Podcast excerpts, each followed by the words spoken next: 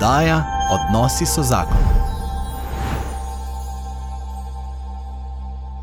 Dobrodan, dobrodošli v oddaji Odnosi so zakon, v kateri je Benjamin Sitter v prostorih Društva Družina in življenje, tukaj v Krškem, gostim Matjaža Črnivca. No, dan, Živijo, Matjaž, dobrodošel. Ja, hvala za povabilo, sem tle z veseljem. Super. Ja. Uh, Matjaž je generalni tajnik Svetopisanske družbe Slovenije, uh, prijatelj, nekdani šef. Tudi, ja. A veš, kdaj so se mi dva prvič spoznala? Ne, spomnim me. Uh, jaz sem delal intervju s tabo. A, ja. Leta 2006, ko smo delali za študentsko areno in Ja, video ja, na kaj- temo Da ja. Vinčive šifre. ja, Campus Crusade. Ja, ja, ja takrat smo Kru, oziroma kako se reče. Kru, Ja, ja, ja, tako ja. Ja, Takrat ja. sem prišel na takrat. Točno, ja. točno, točno Ja, ja. se spomnim. Tako da evo nas opet. Ne. Ja, lej. Ja, lepo. Ja. Um, Matjaš, mene pretep, pač mi dva to snemava še v tednu za edinost kristijanov, uh Mhm. -huh. v tednu svetopisanskega maratona, uh -huh. v tednu uh, nedelje Božje besede. Uh Mhm. -huh. Tako da to bo najn fokus in v tem smislu bi rad, uh Mhm. -huh. da skupaj nekako skušava um, predstaviti, pokazati, na kak način. -huh. je svetopismo kot knjiga knjig. -huh. kot knjiga, ki je prevedena največkrat na svetu, največkrat distribuirana, tiskana Mhm. skozi zgodovino. Ampak kako je ta knjiga tudi danes tista, ki lahko Mhm. nagovarja ljudi in ki lahko tudi v bistvu spremenja naše odnose. Se pravi, naslov daje odnosi so zakona. Ja. Ja. Ampak zato bi šel jaz najprej v tvojo osebno zgodbo. Ne? Se pravi, v to, da greva, um, da malo poveš, odkot prihajaš. ne, In da v resnici poveš, kako si se pa ti srečal s krščanstvom, s svetim pismom, ker eh, pač poznavajoč tvojo Ja. zgodbo, to ni bilo default, ne? se pravi, to ni bilo Ne, začetka. Ne? Ne, ni bilo. Ne. Oziroma je bilo glih obratno. Ja, ja.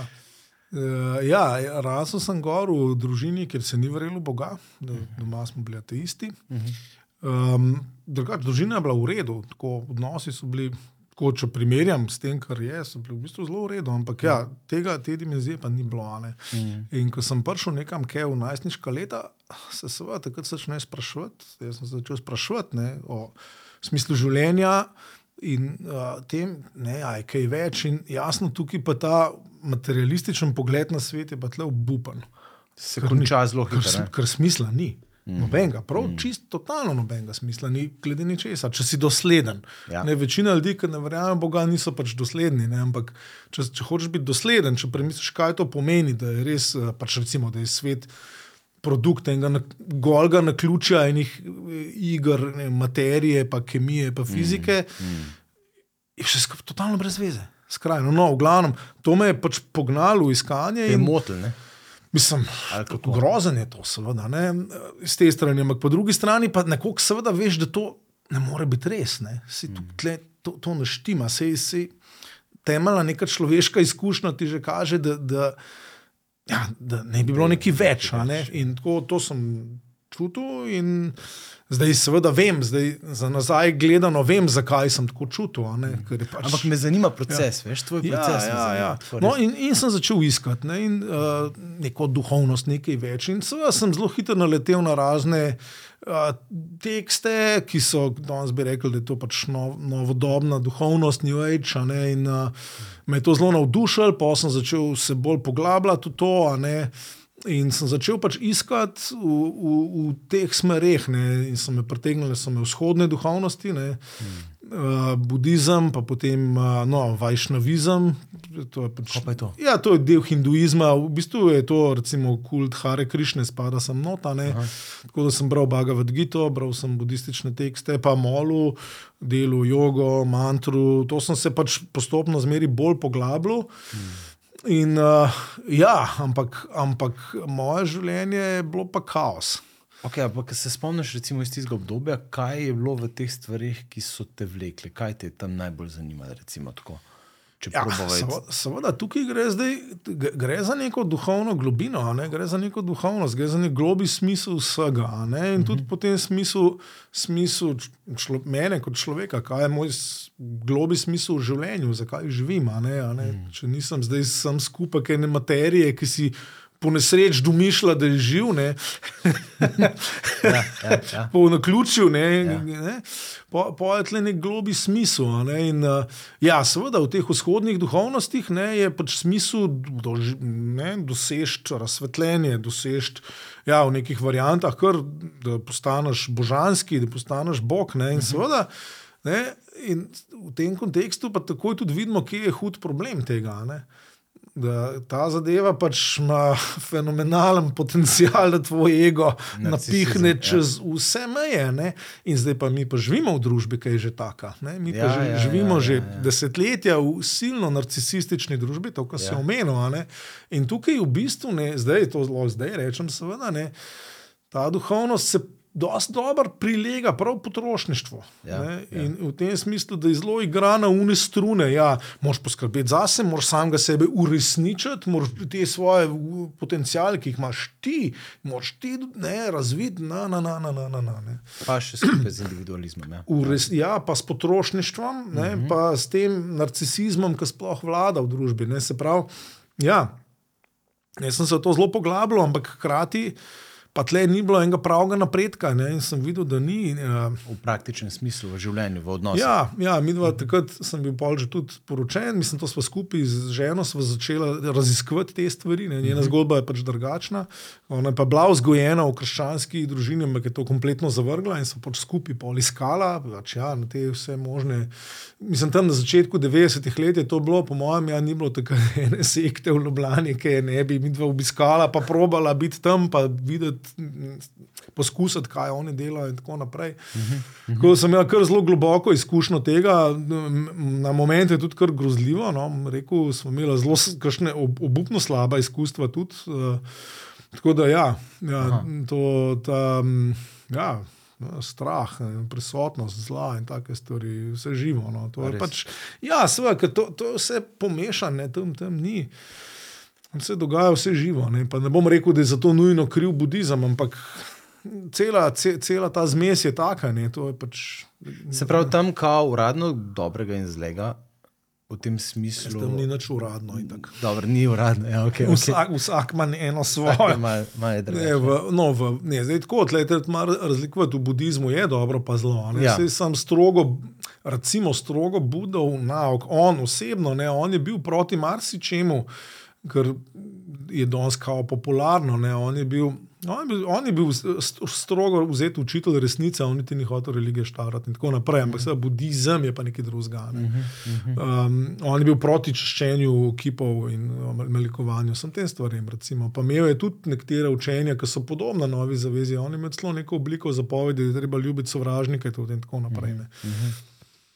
Je pa res, to sem opoznal, odkril. Ne, oziroma, to sem tudi že slišal, da je menda Buda sam nekje ne bi, ne vem, kako to drži, napovedal, da bo njegov nauk velov tam ene par stoletij, pa pa pride nekdo, ki bo pa res postavil stvari.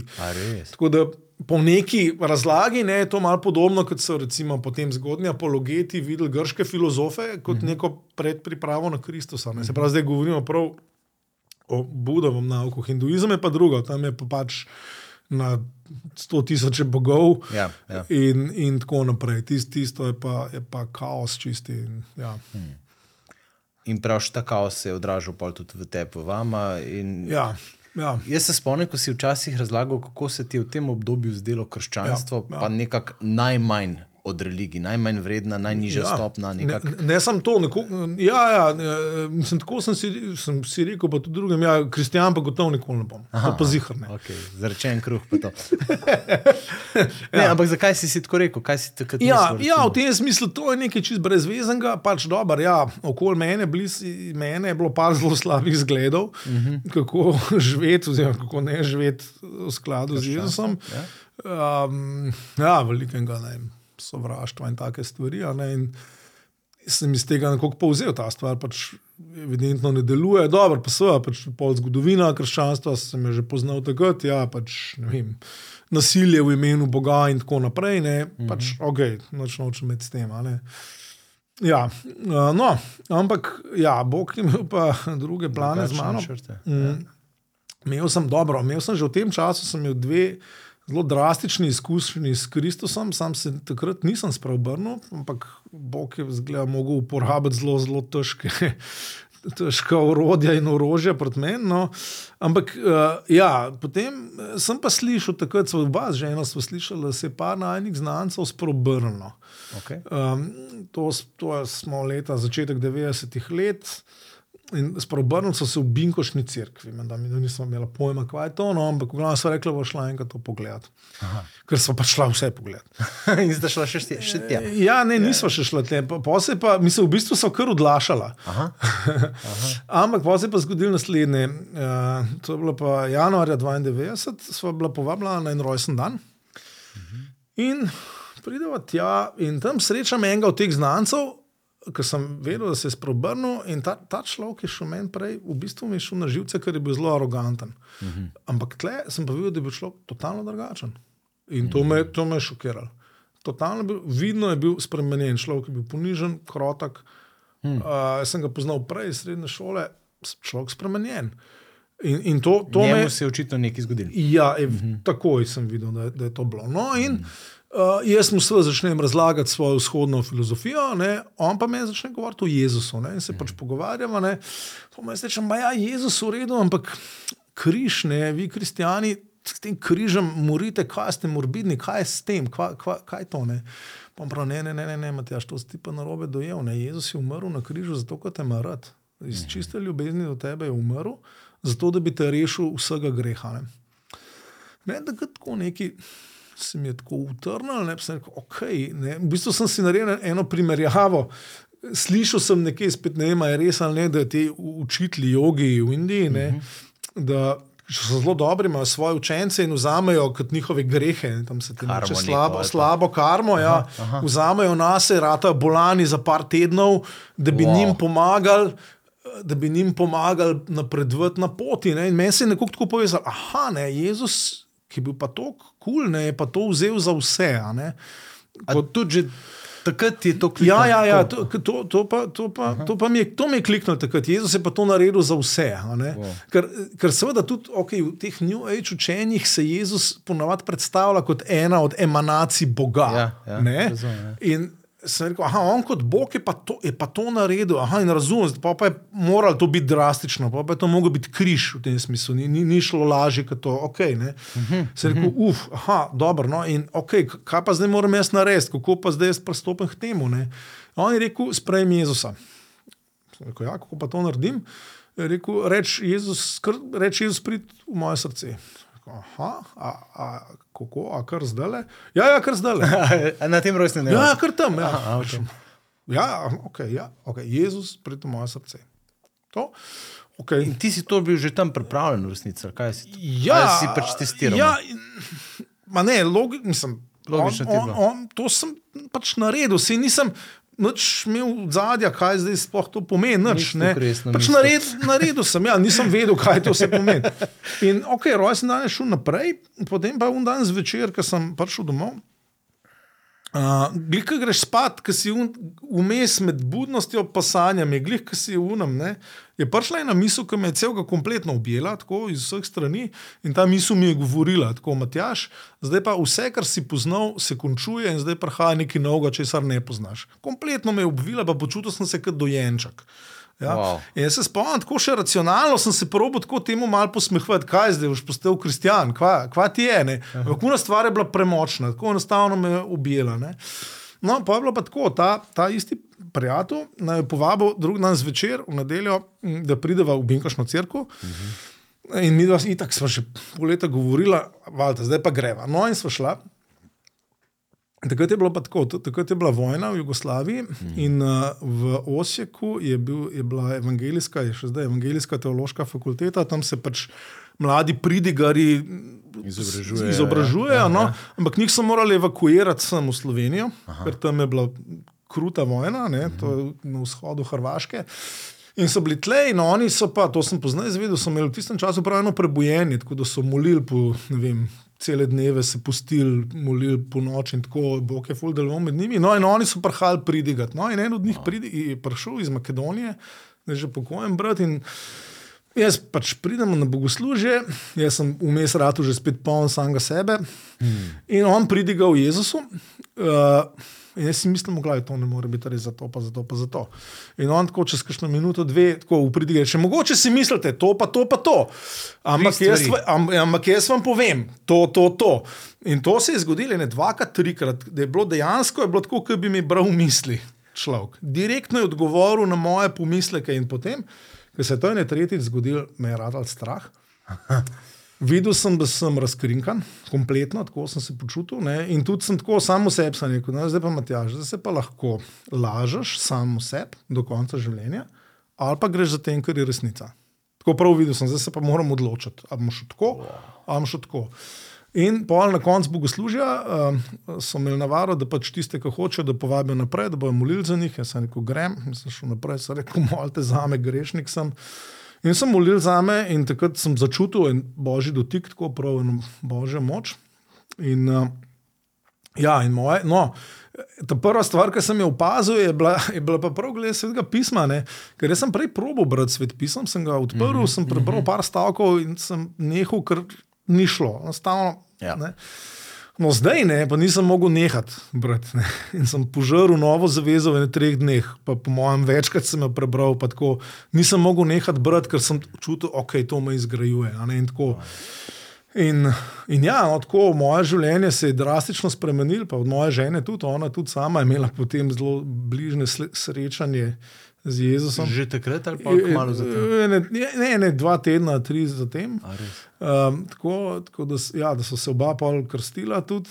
In je pa tako, no, je pa Jezus je bil zelo usmiljen, pa potrpežljiv z mano, tudi glede te, recimo, moje preteklosti. Ne, ker, recimo, jaz sem pač nekaj časa še jogo delal. Uh, tako sem pač meditiral v tem stilu. Ne. In pa sem tako spomnil, enkrat tako končam to glih ne, in tako zaslišim un tih šepetajoč glas. Ne, Matjaž, zakaj to delaš tako? Čist, brez, ne, brez, brez obtožbe, uh mhm. -huh. zakaj to delaš? Ja, Jezus, hočem se izboljšati, ne. tako hočem se narediti boljšega. Uh mhm. -huh. Glas mi reče, veš, jaz sem tebe ustvaril. Zdaj, kaj če bi ti ta čas dal meni? Pa bom jaz tebe naredil boljšega, ker te veliko bolj poznam, kot ti samega sebe. Hmm. Ja, Jezus promaš, konci ogne. Hmm. Um, Pa zdaj sploh ne bo vaša debata ali joga. Ja, ali mislim, ja, ne, zdaj tle govorimo o jogi, dobro, je, je, ker tudi je razlika, okay, joga kot, tudi to je debata, ja, joga to kot telovadba, ampak jaz ja. nisem delal joge kot telovadba, jaz sem delal jogo kot, kot sredstvo združitve z Bogom. Aha, Stru, okay. Striktno, meditacija aha, po, po čakrah in tako naprej, aha, to je nekaj drugega kot joga. In to se, je nezdružljivo. A, absolutno, absolutno nezdružljivo. Ja, ne? ja. Ampak hočeš reči, jaz sem bil zelo. Uh, pedagoški z mano, ja, ja, ne, ni, ni, ni me nokautiral, še prav mi je lahko. Ampak zelo lepo mi je pokazal, da ti tega ne rabiš, ne. Če, ne, de, deli ti z mano, jaz te poznam, jaz te bom preobražil tle, tle naprej. Ne. In potem si tudi več, več tega časa namenil svetmu pismu. Ja, seveda, pa sem molil, ja, ja. da sem 40 minut meditiral. Ja, ja. 40 minut malo. Okay, kaj je razlika med meditacijo in molitvijo? To, to lahko malo razjasniš. Ja, seveda, pri meditaciji si, si ti v bistvu sam. In Aha. si ti akter, ti sam moraš postati Bog. to, to je tako, kot bi ja, en, ja, en ja. pravi, ki bi se za svoje šnirence hotel gor potegniti. Ja. Ja. ne gre. Ne. Mm -hmm. ja, molitev je pa drugo, si pa z Jezusom. Ne. Se, pod, pač, ja. ne, se pogovarjaš z njim moliš pa seveda spoh skupaj s svetim pismom. Ko bereš sveto pismo, ti Bog govori, molitev je pol nek naraven odziv mm -hmm. na prebrano besedo, pa v enem ti poglobi besedo, ne, globi začneš dojemati ja. v molitvi. Ne, Beseda postane živa, del, delujoča, in tako prav gre za ta odnos s Bogom, ne, ne pravi kot dihanje, ne vdih, mm. izdih in tako naprej. Zbrav, ja, molitev je vezana tako ali drugače na, na, na Božjo besedo. Mm -hmm. je vračanje Božje besede Bogu. prek mene nazaj k Bogu, a ne pa vračanje mene k Bogu. Tudi, ta, ja, ne, to spreobrnenje, ta izročitev k Bogu je pač potem vse in tudi vsak dan je zadeva. Mm -hmm. Vsak dan. Mečken, recimo, ja. Meni je zelo dragoceno tudi primerjati z mojo izkušnjo. No, ko se mi zdi, da je en moment, ko. Jaz mislim, da je vsak odrasel kristjan poklican k temu, da v nekem momentu res reče Bogu svoj oseben ja. Ja, ja, ja. Se pravi, da rečeš, le hočem, da mm. to, kar so me učili doma, ali pa kar sem, mm. o čemer sem zrastel, mm. želim, da to zares velja tudi za me. To je v resnici tudi pri krstu, ko smo kot otroci Tako, krščeni, ja. Je, da si krščen v veri botrov in ja. staršev. Ja, ne. ja. In potem ti dejansko moraš to pogodbo podpisati še sam. Ja, seveda, da, da velja v polnosti ali pa da je pravnomočna. Ne? Seveda, ne, ker krst sam po sebi je v, v resnici silno močna, močna zaveza, mm. -hmm. tudi strašna, pa čudovita hkrati. Ne. Ker s krstom v bistvu ti podpišeš svojo smrtno obsodbo. Mm. O tem Ja, govorimo. umrli ste sebi in živite Ja. Kristusu. Ne? Potopiš se. Potopitev pomeni smrt, Ja, ja. dvig pomeni novo življenje, vstajanje od mrtvih. Je, in krst je ta navezava, kar rečemo, zakramentalna navezava na Kristusovo smrt uh -huh. in njegovo vstajanje od mrtvih. In, uh -huh. in ja, to je kritično nujno, da to človek sam. Potrdi Posvoji in posvoji ja, in zase. naredi, in potem, da je pa to praksa vsakodnevna. Tudi, ne. Mhm. Ker to je, to je bistvo tudi, mislim, enako tudi seveda pri Euharistiji gre točno za isto stvar, gre pa za utrjevanje te zaveze. Mhm. Ne, da smo, ne, mi kam vstopamo? Ja, vstopamo v njegovo smrt in oznanjamo njegovo smrt, dokler ne pride, in, in jemo ven iz njegovega razlomljenega telesa in njegove prelite krvi. Direktno v isto realnost nas tudi ta drugi zakrament postavi. Ne. No, ampak zdaj so stvari mečkim prehitela. Ja. Ja. Ker v resnici se mi zdi tako v isto realnost. Peva o tem, kakšna realnost. A je to sploh realnost? A veš, ker uh -huh. danes pač kaj delamo, srečamo, pač živimo v družbi, ki ima neko krščansko dediščino. Uh -huh. Ne ve, glih, kaj bi z njo. Ko ne ve, kaj bi z njo, Ja, pa eni jo zavračajo Mnogi jo, mnogi Ja. jo zelo odkrito ja. zavračajo. Ja. Ja. V resnici bi rekel, brez da bi vedeli, kaj zavračajo, Ja. ja. ker ne poznajo, ja. ker Ja. ja. poznajo samo nekaj približno. Uh -huh. Fulton Sheen zelo dobro reče na Ja. ja. enem mestu, da je zelo malo ljudi, pač za katoliško crkvo Ja. ja. pravi, zelo malo ljudi je, ki sovražijo katoliško crkvo, uh Mhm. -huh. pa zelo veliko ljudi je, ki sovražijo tisto, kar mislijo, da je Ja, ja, katoliška crkva. Ja. Ja. A veš, tako da tudi tukaj je zelo podobno. Ne?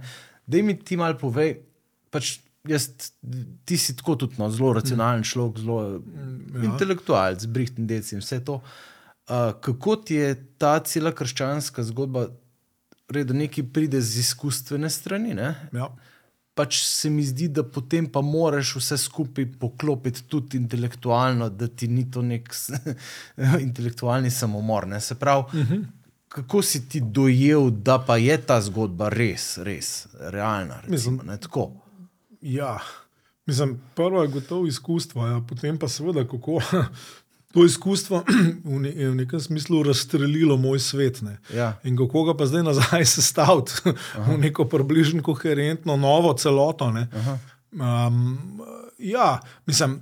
Okay, po, vem, da mi je pomagal brati uh, knjigo od C.S. Lewisa, prav na začetku, uh -huh. uh, pa nas je zdaj prevedena kot golo, Golo krščanstvo, krščanstvo. ja, uh, Mere Christianity. Uh, Seveda, Lewis je bil tudi intelektualec in, je, in tudi sam je imel drastične izkušnje. On je bil tudi ateist in se je spreobrnil uh -huh. zelo drastično. In je, in je stvari zelo tako preprosto, razumsko, ampak zelo lepo razložil in predstavil. Tako da v bistvu predstavil med drugim ne to, da, da če je kaj nerazumsko, je verjeti, da je vse skupaj nastalo po naključju. Ne, da dejansko za, za ateističen pogled na svet rabaš še veliko več vere Vere, ja. kot, kot za, saj v nek ogromnem smislu, nek teističen pogled, da pač je Bog, ki je vse ustvaril in tako naprej. No, pa tudi naprej, gre pa tudi do Jezusa in tako naprej. Tako da to mi, to mi je, meni osebno mi je pomagalo. In, in ja, tukaj moramo biti pač hvaležni za to, da so. Da imamo brate in sestre, ki so nekaj tega že tudi naredili za nas ne, in lahko vstopimo v njihov trud. Govorim pač o krščanskih pismih, zgodovino. skozi zgodovino, pravzaprav, ne, mm. se je Lewis je samo ena, ne, mm. jih je velika. Ne. ja, od crkvenih očetov. Tako in naprej, ja, seveda, ne, ki so pač razmišljali, kako zdaj misliti to. Ne. Čeprav, seveda, po drugi strani je pa tudi viden tle tudi nevarnost, ne, da se pač potem. Ja, ti, ti argumenti se mi zdi, so bolj pripomoček, niso pa nek cilj. No, rekel. Ne.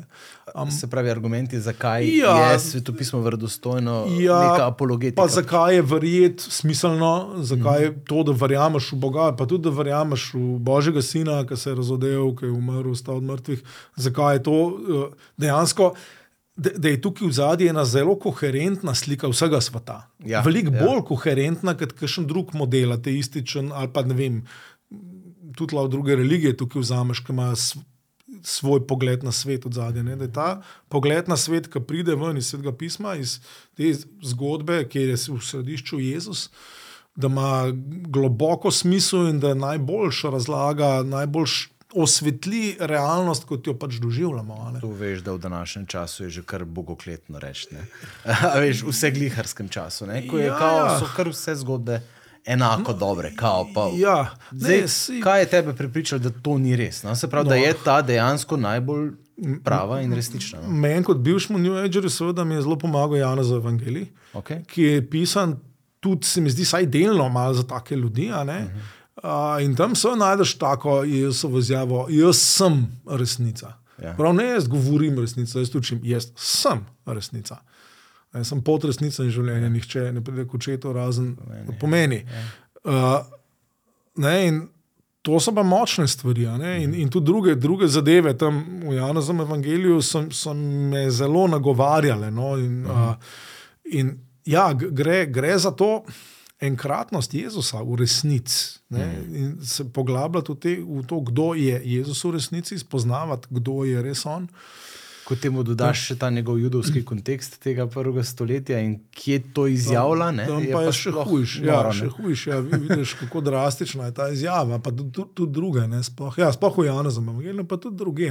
Se pravi, čist preprosto oseba Jezusa je tista, ki na koncu drži skupaj in svetopismo in vesolje. Hmm. Ne, ker v pismu Kološanom piše, da vse stvarstvo nekako se stoji oziroma ob, obstaja prek njega. Ne, in v izvirniku je prav nekako tak, taka beseda, ki drži skupaj no, vesolje. Ti si se grško tudi naučil, ga prevajaš in to. Ne? Uh, ja, ja, ja, to sem se, to sem se naučil. Čist, čist, ja, v bistvu sem zelo hmal začel s tem, nekoliko me je vlekalo to. No. Hotel sem Original. videti, kaj je izvirnik, ja, kako je s tem, ker sem videl, pač prevodi so različni in sem hotel priti do dna temu. Tako da, sem, ja, tako da sem v bistvu sem se učil grščine, zato da bi lahko bral svet pisem uh, zase.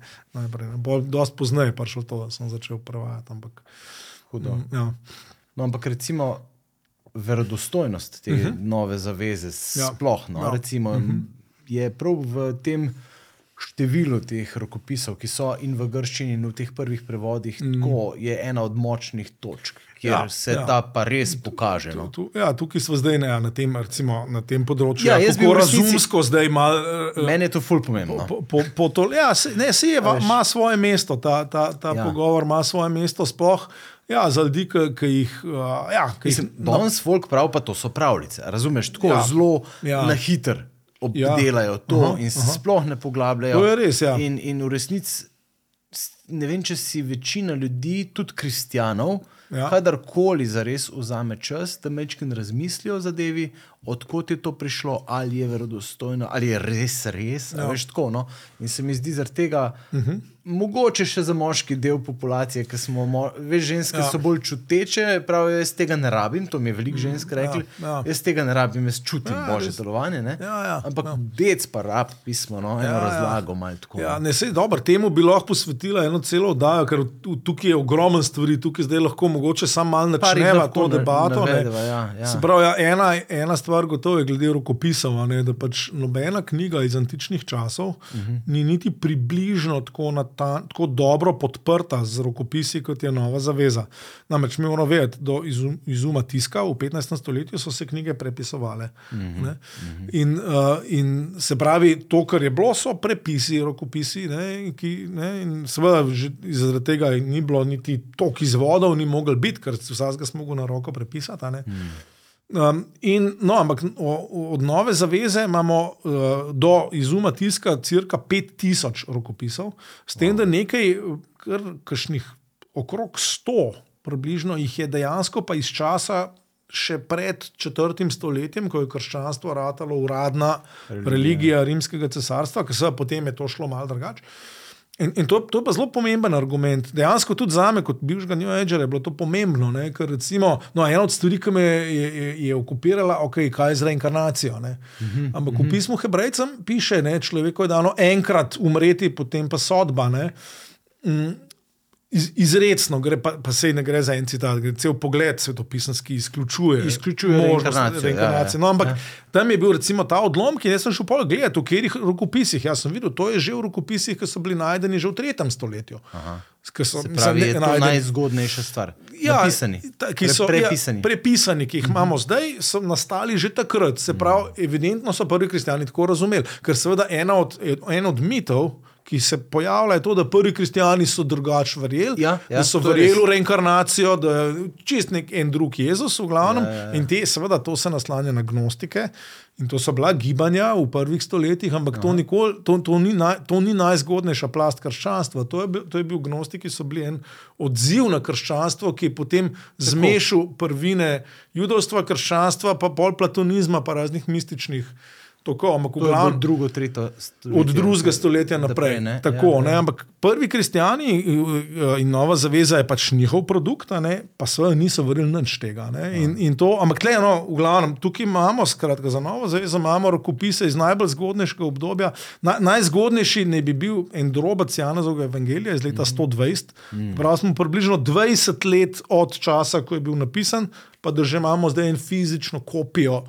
Enega majhnega koščka tega besedila. zdaj obstaja. Zdaj obstaja. No, za primerjavo, ne, za razne druge antične spise, ne vem, Homerjeve ali pa tudi Aristotelove, Platonove, je ta ra- razdalja med časom, ko je ne vem, Platon nekaj napisal, pa časom, ko imamo mi zdaj en kos, fizičen kos. Platon je pa, bil cirka 400 pred Kristusom. Ja, 400. četrto stoletje. No, je ponavadi je ta razdalja par sto let, mislim, da za nekatere celo tisoč let razdalja, ja, od takrat, ko je pisec nekaj napisal, Ja. pa da imamo zdaj neko kopijo, vsaj en del enega teksta. Ne. Se pravi, tukaj vidimo, govorimo o stoletjih.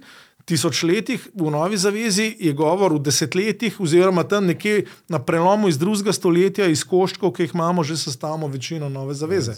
Kdaj so bili pisani evangeliji? Uh, ja, dobro, tukaj se strokovnjaki seveda uh, razhajajo.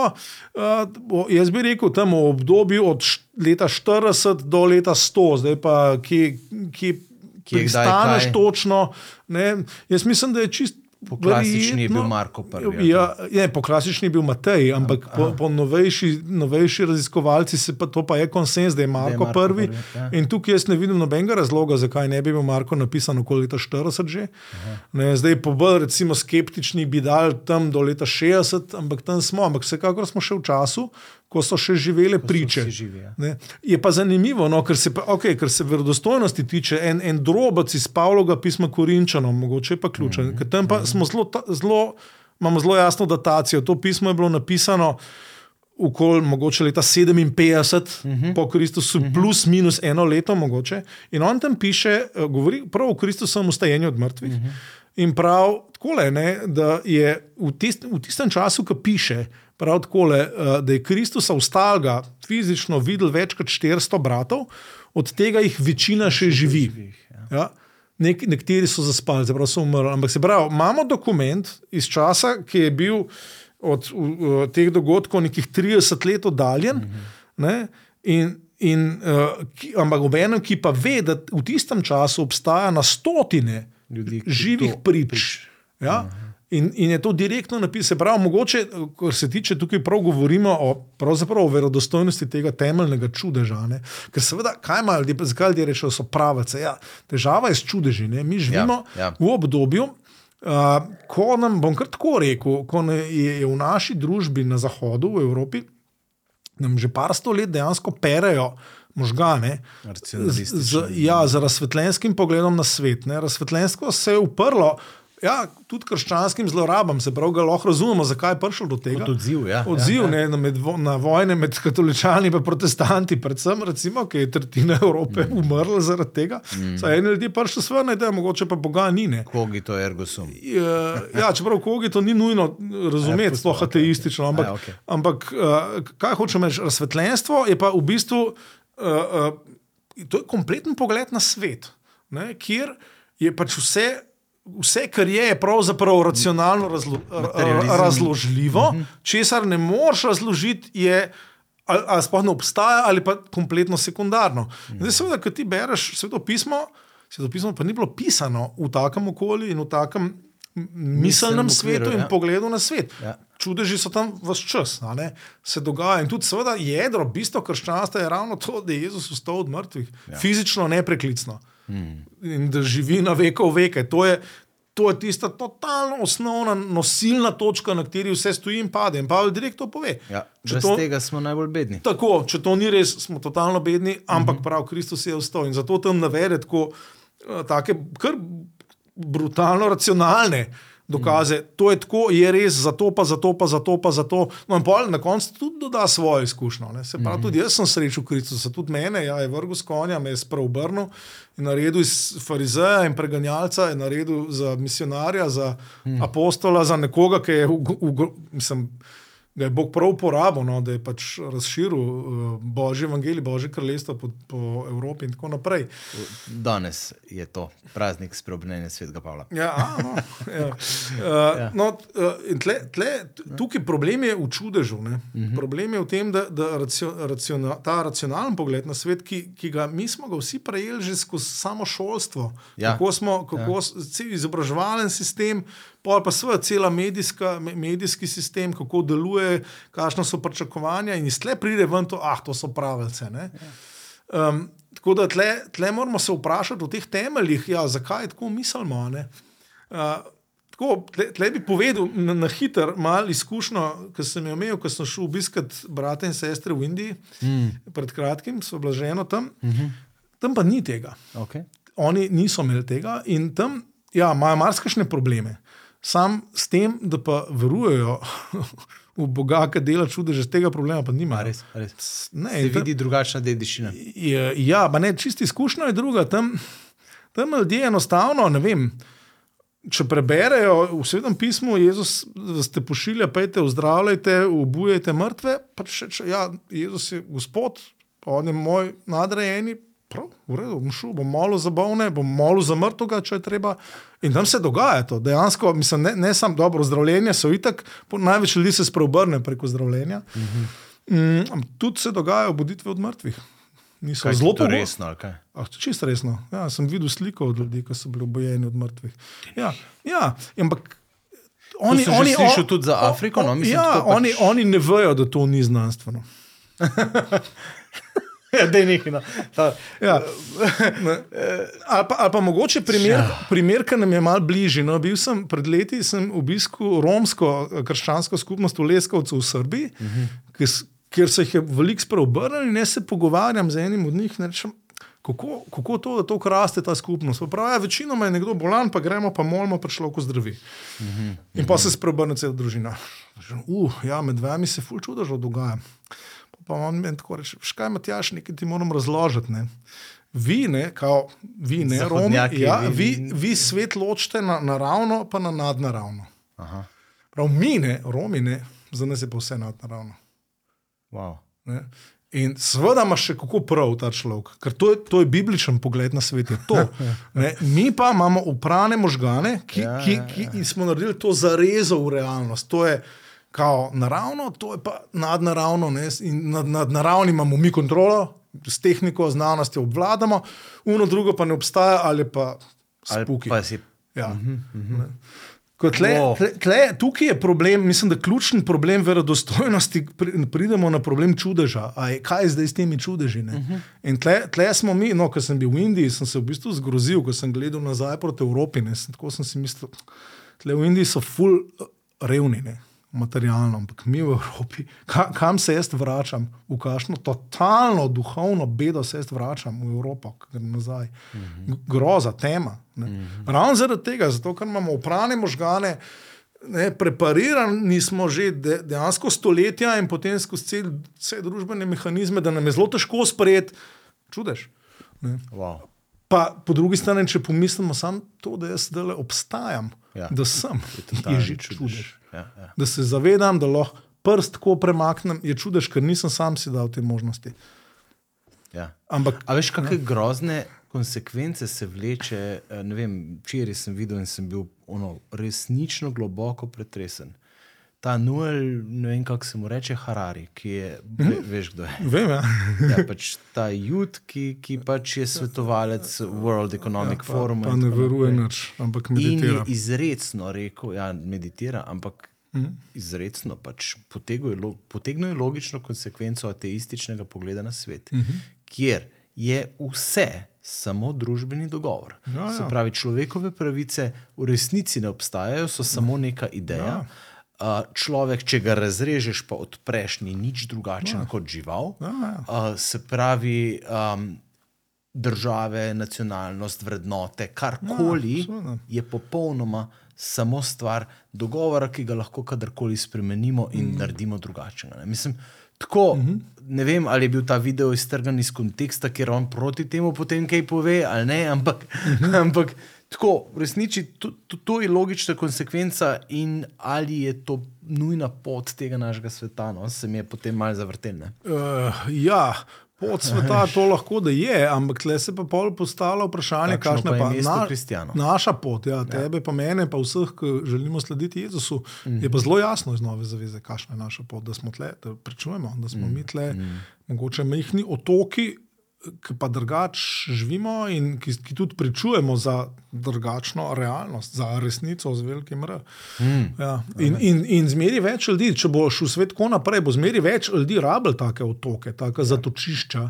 Da se lahko zatečejo pred, pred tem skrunitvijo, ker to seveda uskrunja človeka v globini, človeško bitje je pač razvrednoteno, tle, mm. to do konca, do skrajnosti. Uh, Da, jaz mislim, da, da, da v tem smislu naš čas prihaja. ja, ker sem pač optimističen. Da bodo resnično ja. videli, kam se pač stvar ja, pele ne? in ja. bojo potrebovali. Zmeri več ljudi, bojo, zakaj rabijo. Zmeri več ljudi bo, bo, bo že zdaj, se mi zdi, odkriva in jih bo še več. To mm. tako ne gre. Mm. Tukaj rabimo nekaj drugega, to tole ne gre kamor, to, to, to je grozno. Ker mi je to tako ljuba tema, peva še mečken razložiti, zakaj tako verjamemo. Se pravi, v mm -hmm. smislu uh, verodostojnosti svetega pisma. Meni je bilo zanč noro. Sem poslušal mm. en podcast, kjer tudi en gospod mm. razlaga o tem in pravi, kako je Janezov evangelij. Mm -hmm. So zdaj ugotovili arheologi, ki so pač. Mm -hmm. uh, rekonstruirali stari Salomonov tempelj, uh mhm. -huh. takšen kot je bil v Jezusovem času. Uh mhm. -huh. In so ugotovili, da recimo Janezov evangelij, ki ga sicer imajo za pač bolj eteričnega, manj mhm, zgodovinskega, ja, tralala. Ja. Janezov evangelij pravi, Jezus se je sprehajal po Salomonovem stebrišču po ja. zimi. Ja. Ja. Ja. In so ugotovili, da iz rekonstrukcije templa uh -huh. so pogruntali to je bila pozim najbolj zavetrna in najbolj topla Aha, lega. Salomonovega templa ja, ja, ja. in se s tem pač potrdi, kako ja, je ja. očividec Janes takrat ja, tam ja. bil. Ja, čeprav je bil Salomonov tempelj, mislim, ta tempelj, drugi ja. leta 70 razrušen. Ja, ja. No, sej, Tako, až, ja.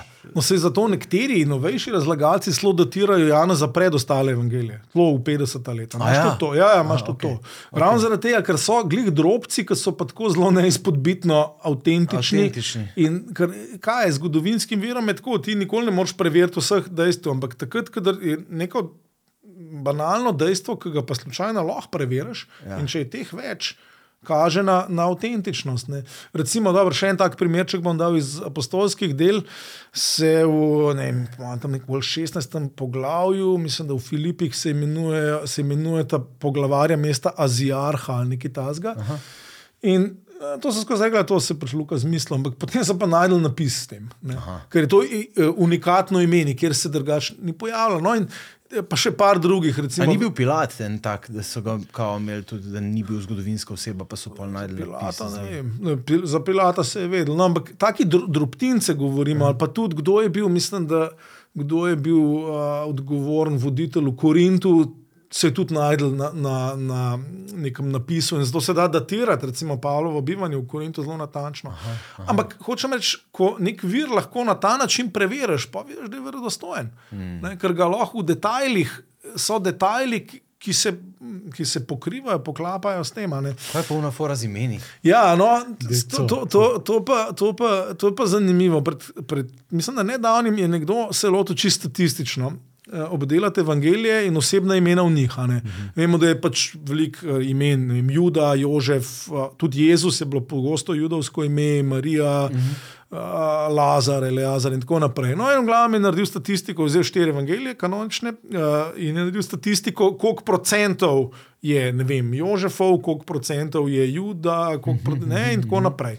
In potem je pa šel in je vzel arheološke najdbe, se pravi, um, uh, večinoma so to nagrobniki, nagrobniki in uh -huh. taki. Uh, Pač materialni, kamniti spomeniki, ne, in je enako naredil tam, izpisal imena in naredil neko statistično, in je videl, da, da, da, je, da se stvar pokriva. Wow. Se pravi, da je razmerje imen, na, in govorimo za sočasne arheološke najdbe, govorimo Palestina, prvo stoletje. Stvar se pokriva. Ne? Potem je pa vzel še uh, te razne gnostične evangelije, mm -hmm. ki smo jih omenili mm -hmm. prej. Ne? Kasneje še drugo, tretje stoletje. Ja, ne, ker ne bi blekal, ker ne bi govoril o pristnem krščanstvu z reinkarnacijami in vsem tem. Tam pa ni absolutno nobene korelacije. Tista imena wow. so pač čist neki drge. Ne? In uh, ta, to je pač taka droba, ampak meni se zdi zanimivo, zato ker je tako stvar pa zelo težko ponarediti. Ja. Ja.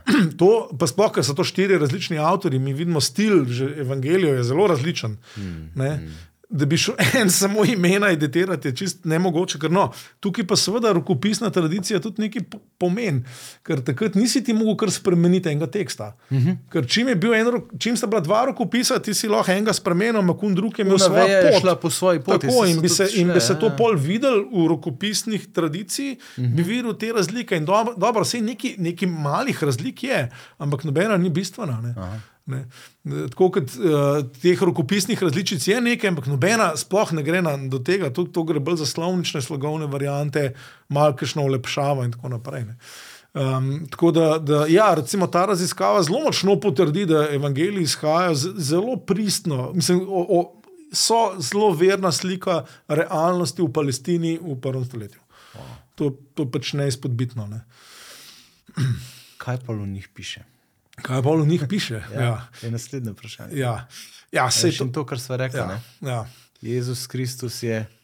Ja. Mislim, a veš, to ja. je nora trditev krščanstva, ja. da se je Jahve, ne, Bog, ja. stvarnik ja. vsega, ne, ja. inkarniral, da je postal človek. človek ja. Ja. Uh, radikalno. No? Ja. Evangeliji so pravzaprav tako, mislim, da je, da je dob, dober ta opis. Ne, so v bistvu poročilo o Jezusovi smrti in ustajenju z daljšim ali pa krajšim uvodom.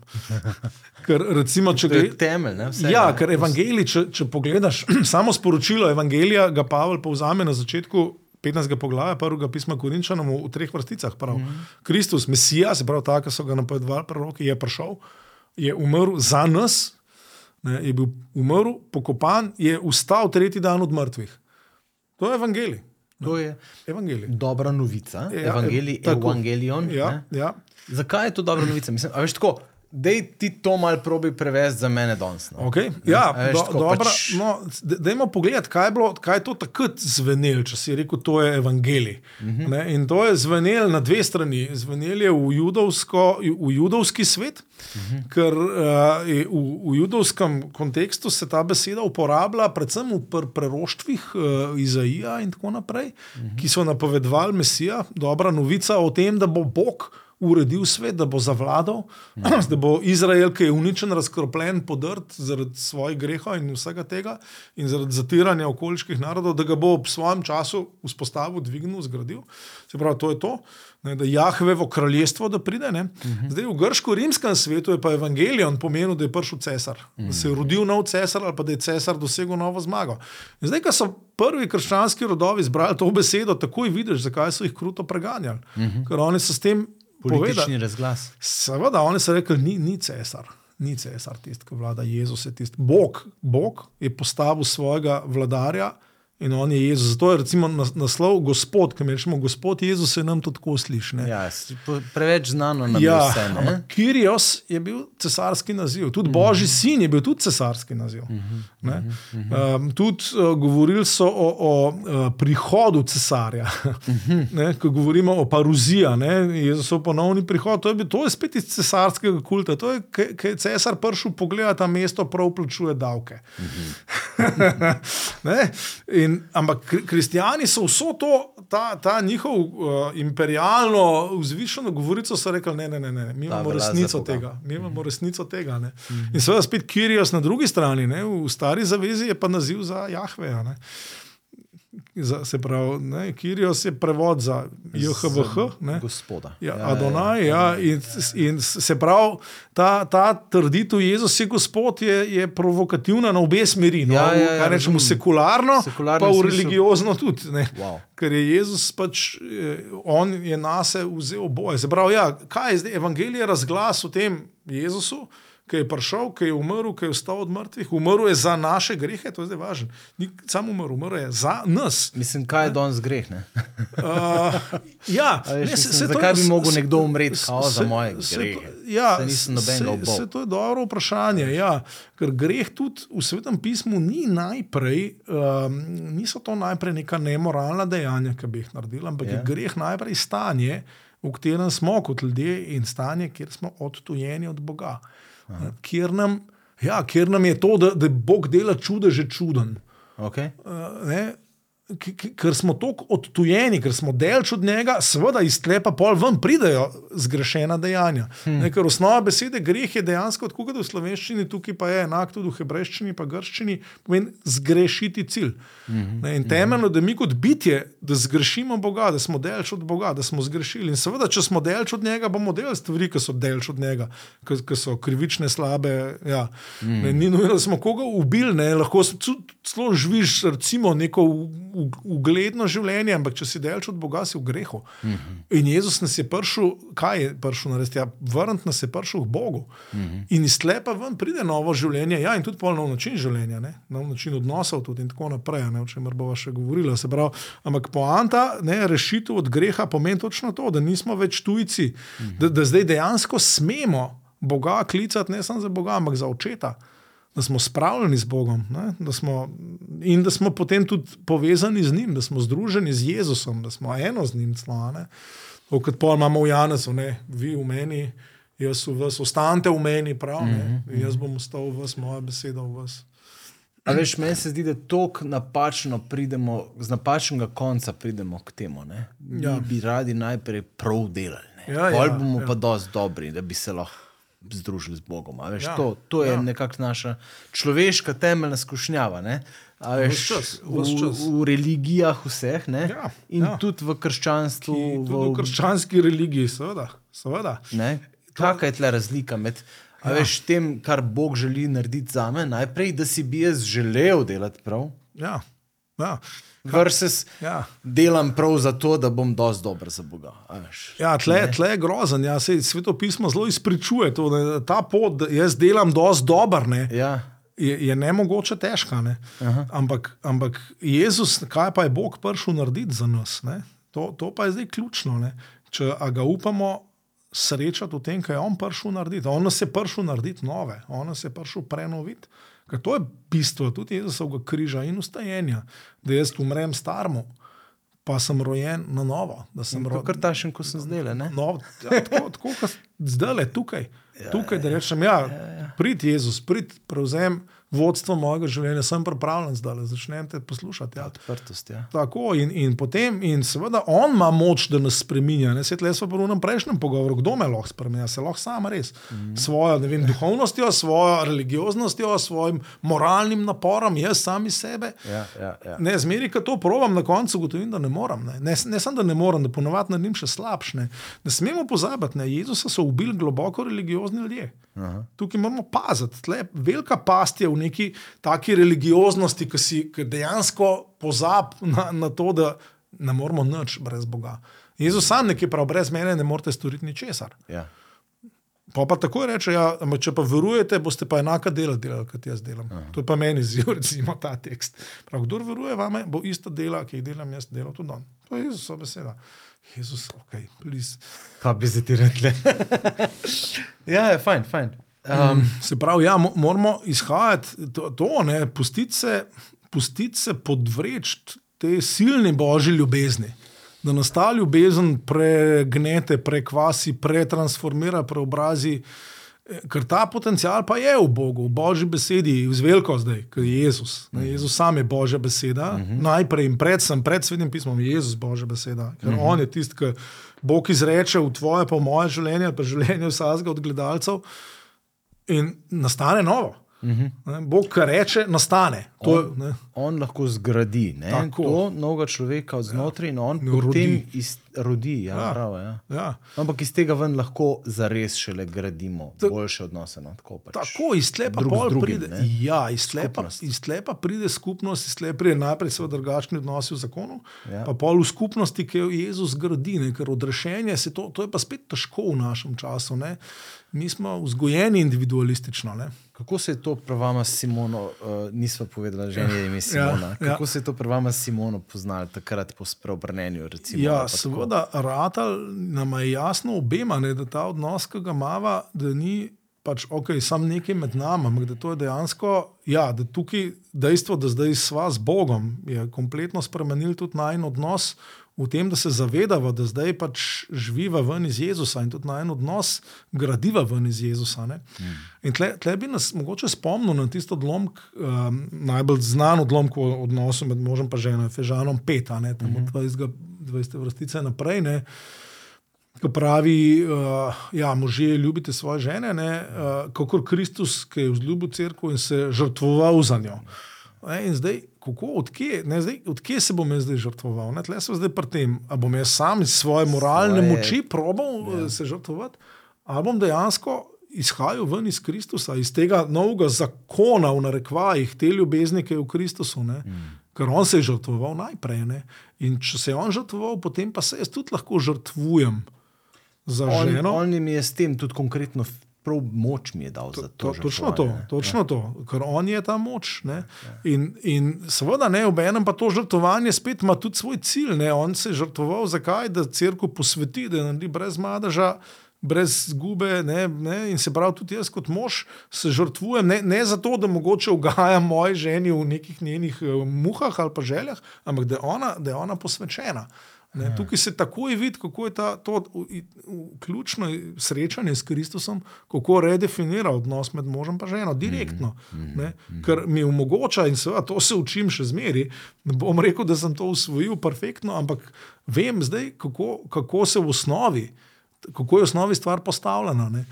No, pa drugo, kar mi je tudi bilo jasno, ja, med nami tudi je zaveza ki je, ki je večna, ki je kompletna. Ki nisem pogodba, ki nisem papir. Tukaj, ni... tukaj ta stvar ja. je večna, tukaj je, je večno nedotakljiva in to je tako. Mm. Ne, in to, to nam je bilo obema jasno, tukaj smo zdaj. Ja, ekskluzivna. Za, tako, popolnoma ekskluzivna in tudi popolnoma trdna, ne, ker je mm. tle zdaj Bog je tisti, ki garantira to trdnost. Mm. Sva šla ja, tudi skozi marsikšne težave uh, v, v zakonu, sam Jezus na enosu, skozi in je bil silno zvest. Uh, in mm. nos naprej. Da, ja, tukaj, prav, sve, tukaj se takoj more videti, če se kje se mora tle najprej videti, a je Jezus kaj naredil meni ali ne. Ja, ja. ne? Ja, ker, ker je tukaj gre za odnos. Tle se tudi najprej, najprej se tukaj vidi. Tako, tako, doma. doma. Tako, ja, ja.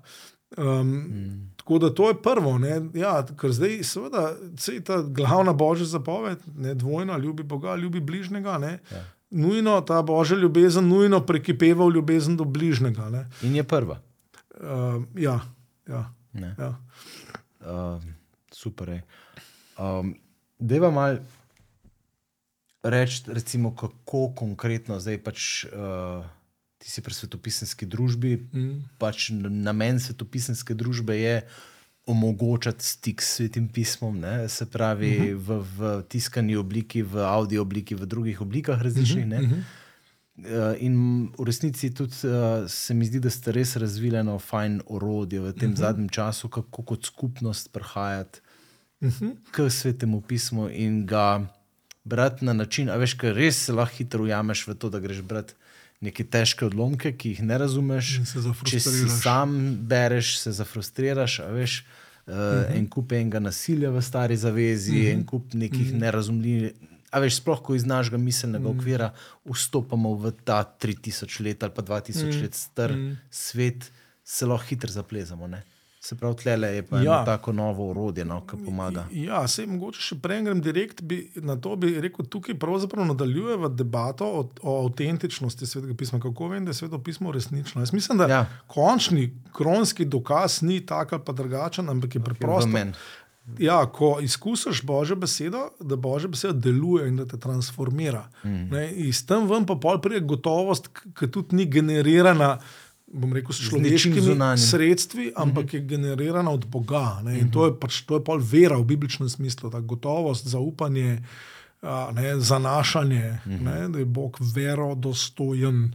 Ne, wow. Da je Božja beseda verodostojna, ne, dostojna vere, dostojna zaupanja, ne, dostojna tega, da se zanašamo na njo. Mm. Um, se pravi, ja, no, tukaj to, kar smo odkrili, čisto izkustveno, bom rekel, ne, in odkrivamo, je točno to, da Božja beseda najbolj močno osebno deluje v, v majhnem občestvu. Ker se nekaj ljudi zbere, kot je Jezus rekel, tam so dva ali so tri zbrani v mojem imenu, tam sem jaz sredi med njimi, se pravi, se zberejo zaradi Jezusa, zato ker ga hoče skupaj poslušati, mm. ker hoče skupaj biti njegovi učenci. In to potem naredijo tako, da, da se zbirajo na nek, nekem rednih časih, recimo enkrat na teden, in si, mal, si podelijo življenje, kako jim gre. Uh, molijo za težave, drug, ki jih imajo, uh, se zahvaljujejo za, za dobre stvari, ki jih Bog dela med njimi. Mm. Potem pa vzamejo nek odlomek uh, in ga preberejo, in potem skupaj uh, se mu skupaj bližajo. Z, uh, pomočjo, najlažje je to narediti s pomočjo parih preprostih vprašanj. Mm -hmm kaj mi je bilo tukaj všeč, kaj mi ni všeč, ali kaj mi je težko, uh, kaj mi to govori o Bogu, kaj mi govori o ljudeh. In da vsak od, od prisotnih podeli. Ne? In tukaj potem se skupnost odpre svetmu duhu, ki se zelo hitro začne dogajati nadgradna. Ne? En mm. pove nekaj, to v drugem sproši nekaj, in drug. Doda še nekaj, tretji še dogradi. Uh mhm. -huh. ne, je to tako, kot bi pač, eh, rekel, pridigo pripravljali skupaj. Uh -huh. ne, dejansko se ta, ta beseda in seveda s temi vprašanji, kaj pravzaprav počnemo. To je to, kar so že v starih časih menihi pogruntali kot lekcijo divina metodo. Mm -hmm. Kaj ta metoda naredi? Jaz sem to, da gremo v tekst, pa gremo spet v isti tekst, pa gremo spet v isti tekst, mm -hmm. pa spet, pa spet, pa spet. In na ta način prihajajo, se tekst počasi odpira, sveti duh nas odpira, bolj, da božjo besedo res začnemo slišati. Za nas danes. Za nas danes. Ja, tukaj se ne ukvarjamo, bom rekel, s strokovnim bližanjem. Uh -huh, uh -huh. Je, to ima svoje mesto, ampak ima svoje mesto druge.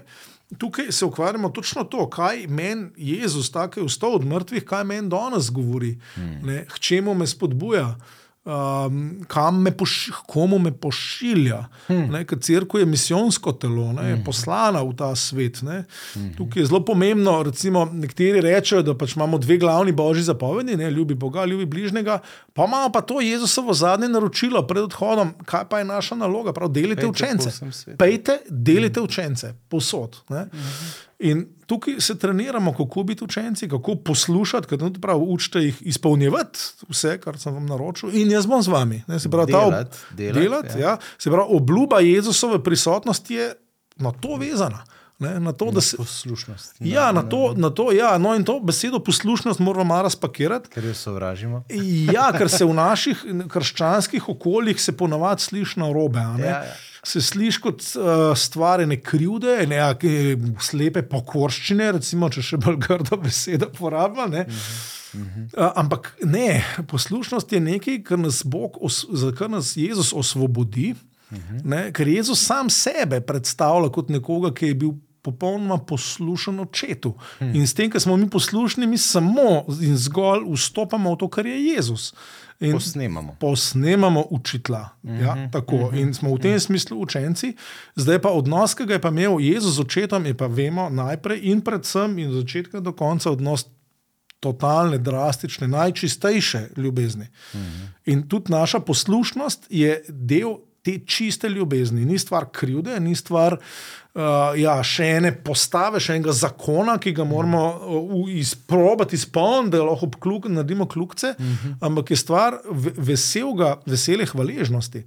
Ne, tukaj, če gremo po odnosu, če, če imaš nekoga res rad, boš seveda naredil to, kar je njemu všeč. Ja. A, a to, to, Si boš želel to narediti? Tako, Ja. ja. ker mu boš hotel, ker ga imaš rad, ker mu želiš narediti nekaj dobrega, to, kar je njemu pomembno. a ne. ja.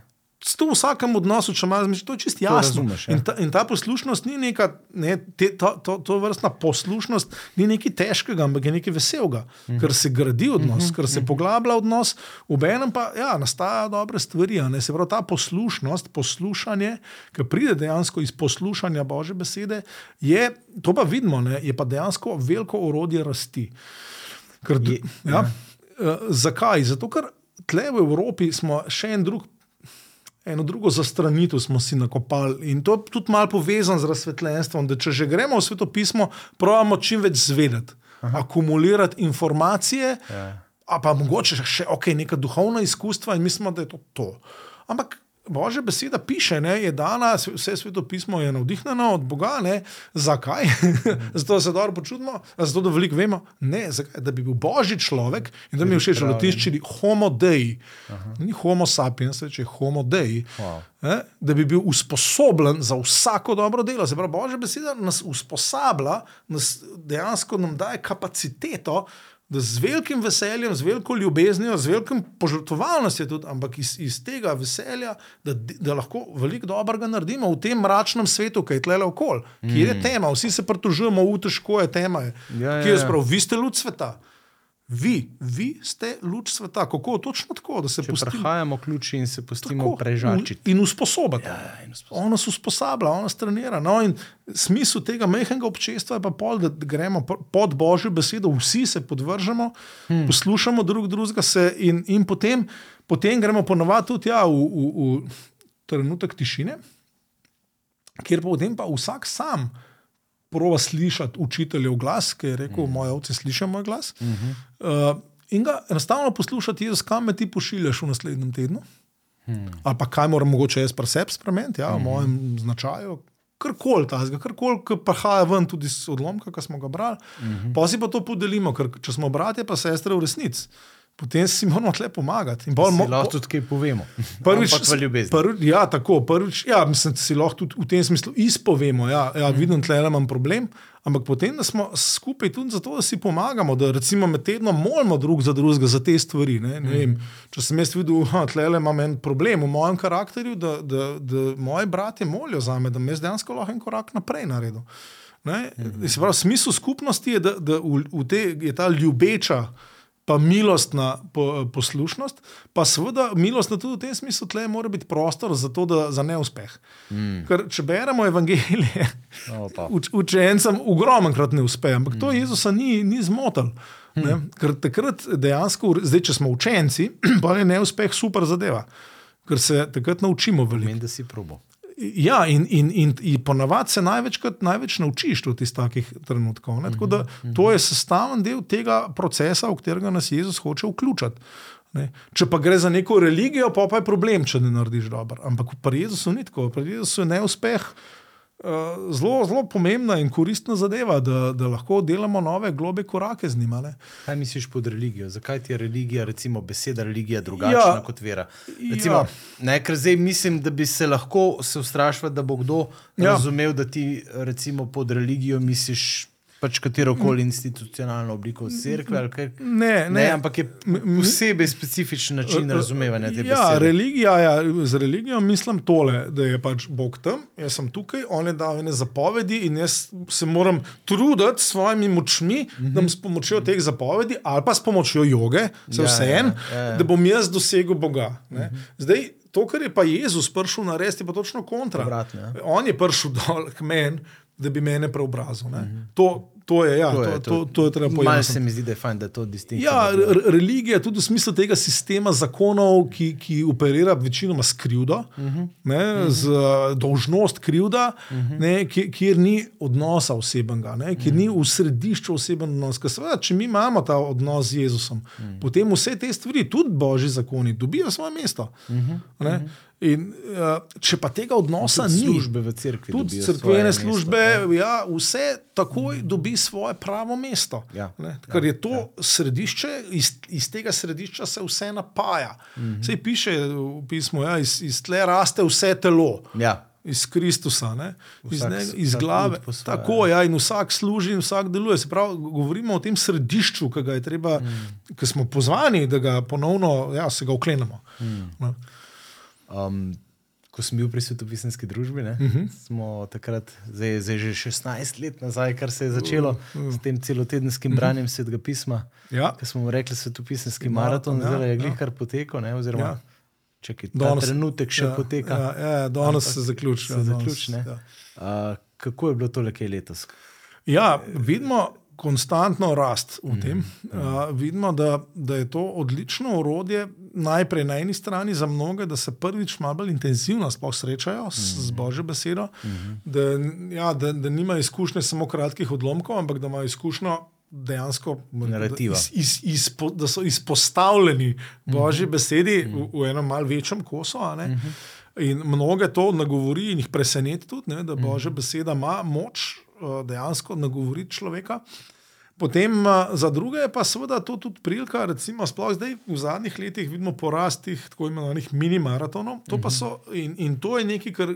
Česar smo zelo veseli uh -huh. in kar tudi želimo spodbujati tudi za prihodnost, vidimo, da je to pot naprej. Recimo letos je samo na naši maratonski strani prijavljenih 80 mini-maratonov, pa to gotovo niso vsi, Ja, ja. ker jih dosti jih pač ne prijavijo, ker si ni, ni potrebe. Uh -huh. uh, gre pa za to, da. da Da lahko ali to župnija, ali to skupnost, ali pa posamezna družina, Kar neki zakonski ali pa zakonske tudi, ne? skupine, kot so Prdižo, ali pa druge razne biblične skupine, ali eklezije, ali karkoli, da se organizirajo in da si rečejo, da ja, bomo brali sveto pismo skupaj, ne vem, par ur mogoče. Um, e, in in da, si, da same organizirajo ali za, samo za sebe, se pravi za svoje člane, lahko pa to seveda naredijo tudi lokalno, da povabijo znotraj svetopisanskega maratona, dobili se bomo tam pa tam, od takrat pa takrat bomo brali vsi. Lepo povabljeni. ne. Se pravi, da se ta božja beseda lokalizira hmm. in da je potem tudi te skupnosti večje ali pa manjše, da jo absorbirajo skupaj. In tukaj vidimo ja, zelo veliko sadu tega, no, da ljudje res izkusijo božjo besedo, pa ob enem je pa to potem doskrat, recimo v skupnostih, tudi nek um, včasih malo tak prelomen moment, hmm. ko skupnost reče: tole je bilo super. Mi Dajmo moramo zdaj- več svetega Dajmo, pisma, ne. ja, dajmo zdaj nekaj narediti, dajmo ustanoviti biblično skupino ali nekaj, dajmo se začeti premikati v to smer, da, da to rata nekoliko bolj redno izkustvo, ne, da božja beseda do, do, doteka k nam na nek bolj reden način. ne. Ja. Zato je pa veliko orodja, ne, mhm. ali pa oblik skupin in tako naprej. ne. Ali pa veliko ljudi, vem, se je prav iz tega ven odločilo za dnevno branje. Tudi osebno, ja, Ja, ja, ja, ja. da, da spodbujamo ljudi. Seveda, ja, mm. točno se to, to so tudi pričevanja, ki jih dobimo. Mm -hmm. uh, vsako leto dobimo nekaj takih pričevanj, tole me je prevzel in zdaj sem se odločil, da bom začel brati svetopismo. a ne. Ja. Ja, se pravi, imamo, je, je maraton je. m, Se pravi, vstopna točka, uh -huh. ali pa potem tudi točka ljudi, ki, so pa, ki pa že hodijo z Bogom, ne, uh -huh. da, da pa potem organizirajo nekaj, da, da pomagajo. Ne, se pravi, tle je tudi prostor za to podeljevanje Božje besede, v tem smislu, da se lahko organizira eh, minimaraton ali pa kakšen spremljevalni dogodek. Hmm. Ne, v tem času, ki se, ki fokusira, ki se fokusira na Božjo besedo. Ne, tako da ja, smo zelo hvaležni Bogu za to in vidimo, ja, da, je, da je to, ja, pred, predvsem pa vidimo, da je to zelo pomembna vstopna točka.